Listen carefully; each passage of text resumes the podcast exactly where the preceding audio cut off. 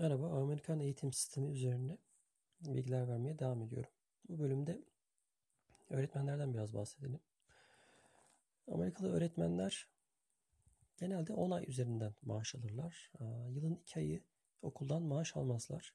Çoğu öğretmen bu 2 ay ek işlerde çalışarak yaz döneminde maaş almadığı o dönemlerdeki açığını telafi etmeye çalışır. Kimi öğretmenler de maaşını 12 aya dağıtarak e, sanki sürekli her ay veya her 15 günde bir bir maaş alıyormuş gibi e, okuldan para almayı da tercih edebilir. Öğretmenlerin ikinci bir işte çalışması çok yaygın bir e, uygulama Amerika'da. Bunun sebebi de öğretmen maaşlarının tabii ki arzu edilen seviyede olmaması. Genelde öğretmenler özel ders gibi, çocuk bakıcılığı gibi işlerde çalışsalar da bazen barmenlik yapan, garsonluk yapan öğretmenlere denk gelmeniz mümkün. Tabii öğretmen maaşları e, yıllar geçtikçe artan, katlanan e, bir gelir. Bazı şehirlerde özellikle eğitim sisteminin çok zor olduğu şehirlerde öğretmen maaşlarının yüksek olduğu biliniyor. Bunun sebebi de öğretmenleri cezbetmek için veya meslekte tutabilmek için. Çoğu zaman bir 7 sene 10 sene öğretmenlik yapmış bir kimse e, belki ikinci işe e, gerek duymayabilir. Maaşı ciddi bir rakama ulaşmış olabilir.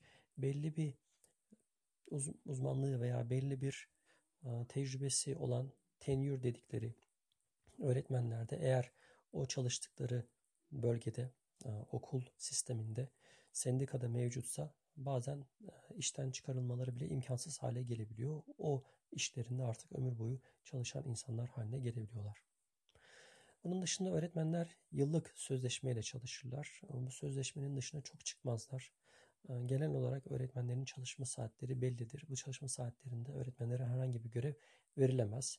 Bu çalışma saatlerinin içerisinde günlük plan zamanı da dahildir. Ama çoğu zaman öğretmenler işlerinden dolayı bu planın dışına da çıkarlar ve daha fazla çalışabilirler.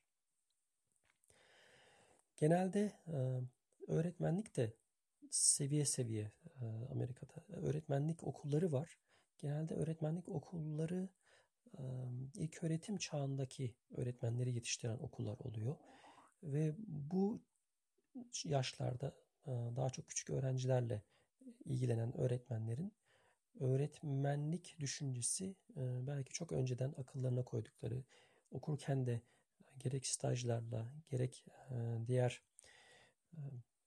bir takım aldıkları eğitimlerle, takviye eğitimlerle kendini bu alanda geliştirdikleri bir uzmanlık dalı olduğu için öğretmenlikte sabit kalıyorlar ve belki ömür boyu öğretmenliğe devam ediyorlar. Ama daha çok ortaokul, lise dediğimiz branşlaşmanın öne çıktığı yaşlarda öğretmenler bazen farklı mesleklerden gelen insanlar da olabiliyor veya bir tarih öğretmeni tarih bölümü okumuşsa tarih öğretmeni olacağım düşüncesiyle okumamış olabilir ama bölümü bitirdikten sonra öğretmenliği de bir deneyeyim deyip sınavları vererek öğretmenliğe geçiş yapmış olabilir. Yine aynı şekilde bir matematik öğretmeni, bir kimya öğretmeni, bir biyoloji öğretmeni farklı bölümlerden gelip belki de öğretmenliği hiç düşünmediği halde fark derslerini vererek veya üzerine yüksek lisans yaparak veya sadece sınava girerek eyaletten eyalete değiştiği için genel bir şey söylemek mümkün değil. Yine öğretmenliğe geçiş yapabiliyorlar.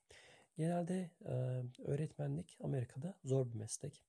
Bunun sebebi de okulda disiplin anlayışının e, Türkiye veya diğer ülkelerle kıyaslandığında tamamen öğretmene bırakılmış olması. Her ne kadar idare e, belli alanlarda müdahale etme durumunda olsa da genel olarak classroom management denilen e, sınıf yönetimi diye bilinen e, bir e, uzmanlık alanı söz konusu ve bu uzmanlık genellikle üniversite yıllarında kazanılan, öğrenilen bir şey değil. Daha çok bulunduğunuz bölgeye, sınıfa, okula, okulun sistemine göre değişebilen de bir şey.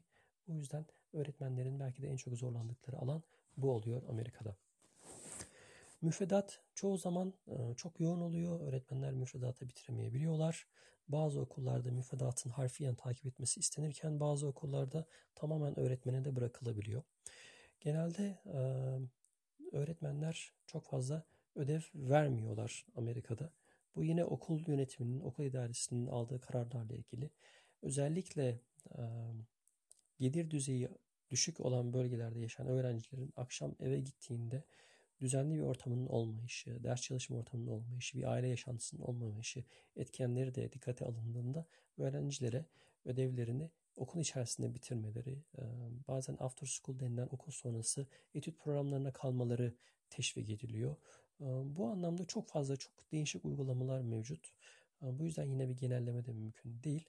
Ama daha çok velilerin ne kadar çok işin içine müdahil olduğu bir eğitim sistemi varsa veya velilerin eğitim düzeyi, gelir seviyesi ne kadar yüksekse öğrencinin başarısında o kadar yüksek olduğu bir tablo karşımıza çıkabiliyor.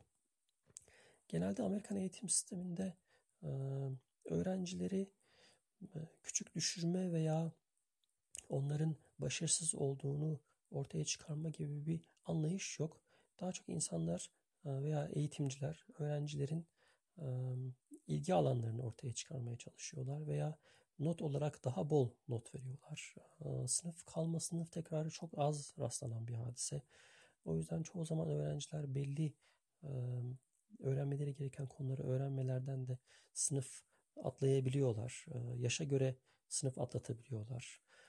Bazen lise çağına gelmiş ama hala toplama çıkarmada zorlanan öğrenciler olabiliyor. Bunun sebebi dediğim gibi sınıfta bırakmak istememe işlerinden kaynaklanabiliyor veya bu tip durumlar eğitim sistemlerinin zor olduğu, gelir düzeyinin çok düşük olduğu, belli demografilerin, biz buna siyah Amerikalılar diyelim, göçmen Hispanikler diyelim, bu tip nüfusun yoğun olduğu yerlerde, eğitimin zor olduğu bölgelerde ister istemez öğretmenlerin zorlandığı, bir öğretmenin belki iki ay, üç ay çalışıp bıraktığı, devam etmediği yerlerde öğrencilerin de tabii ilerlemesi veya belli bir mesafe alması mümkün olmayabiliyor. Öğretmenlerden söz ettikten sonra genel olarak Amerikan eğitim sisteminden küçük bazı donelerle bu bölümü kapatalım. Hesap makinesi kullanımı Türkiye'ye kıyasla çok daha erken yaşlarda başlıyor Amerika'da. Bu sebeple bazen öğrenciler hesap makinesine alıştıkları için kafadan toplama, çıkarma veya çarpma yapmak istemiyorlar. Ders kitapları inanılmaz kalın. Bu ders kitaplarını bazen öğrenciler çantalarına koyduklarında çantaları çok ağır bir hale gelebiliyor. Türkiye'ye kıyasla belki 7-8 kat büyüklüğünde bir matematik kitabı var. Kitap bu kadar büyük olmasına rağmen müfredatın veya ders kitabının içerisindeki bütün soruların, örneklerin çözülmesi hiçbir zaman mümkün olmayabiliyor. Bunun dışında öğrenciler okulda kendilerine ait bir dolaba sahip oluyorlar. Hemen her okulda bu mevcut. Öğrenci okula geldiğinde eşyalarını o dolabın içine koyuyor. Geçişler esnasında bir dersten başka bir derse geçerken eşyalarını alıp diğer dersin malzemelerini o derse götürüyor. Teneffüs diye bir anlayış yok Amerika'da. Sadece geçişler var. Transition dedikleri. Bir dersten başka bir derse geçerken 3 dakikalık bir geçiş süreci var. Öğrencinin o dersten çıkıp diğer derse zamanında yetişmesi gerekiyor. Recess diye bir neminden bizim teneffüse yakın bir şey. Gün ortasında oluyor çoğu zaman. Bu da öğrenciler öğlen yemeklerini yedikten önce veya yedikten sonra böyle bir recess veya teneffüse sahip oluyorlar. Dersler bizdeki gibi böyle tam böyle 8, 8.45 işte 9, 9.45 gibi değil. Bazen bu da Amerikan zaman sistemiyle alakalı bir şey. Belki işte atıyorum 8.57'de başlayıp 9.32'de bitiyor. Sonra 9.36'da başlayıp 10.07'de sona eriyor. Böyle bizdeki 5'li, 10'lu, 15'li zaman dilimi sistemi çok fazla yok. Dersin uzunluğu ne kadarsa öyle bir çizelge yapılıyor. Öğrenci onları takip ediyor. Bunların dışında e, tuvalet ihtiyacını gidermek için öğrenciler ders esnasında izin isteyip tuvalete gidebiliyorlar. Normal ders bittikten sonra bazı önce öğrenciler kulüp faaliyetlerine, spor faaliyetlerine, after school diye daha önce söz ettiğimiz bir takım okul sonrası faaliyetlere kalabiliyorlar. Burada Amerikan sisteminde öğretmenlerin sınıfı oluyor. Dolayısıyla öğrenciler bir sınıftan başka sınıfa gidiyorlar. Bu genelde 6. sınıftan sonra, ortaokuldan sonra uygulanan bir uygulama. Anaokulu ve ilk öğretimde belki 5. sınıf, 6. sınıfa kadar öğrencilerin sınıfları genelde sabit oluyor. Öğretmenle aynı öğretmenle gün boyunca beraber oluyor. Fakat ortaokuldan sonra branşlaşma devreye girdiği için her öğrenci branş öğretmeninin sınıfına gidip dersi o sınıfta alıyor.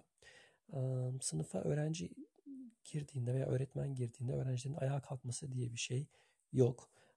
Parmakla söz istemek diye bir şey yok. Bazen öğrenciler ellerini kaldırıyorlar ya da öğretmenin nasıl bir beklentisi varsa, kuralları nasıl kurduysa öğretmen o şekilde sınıfı yönetebiliyor. Evet. Genel olarak Amerikan eğitim sistemine dair verebileceğim bilgiler bunlar. Eğer ilave sormak istediğiniz sorular veya merak ettiğiniz konular olursa onlarla alakalı da bir kayıt yapabiliriz.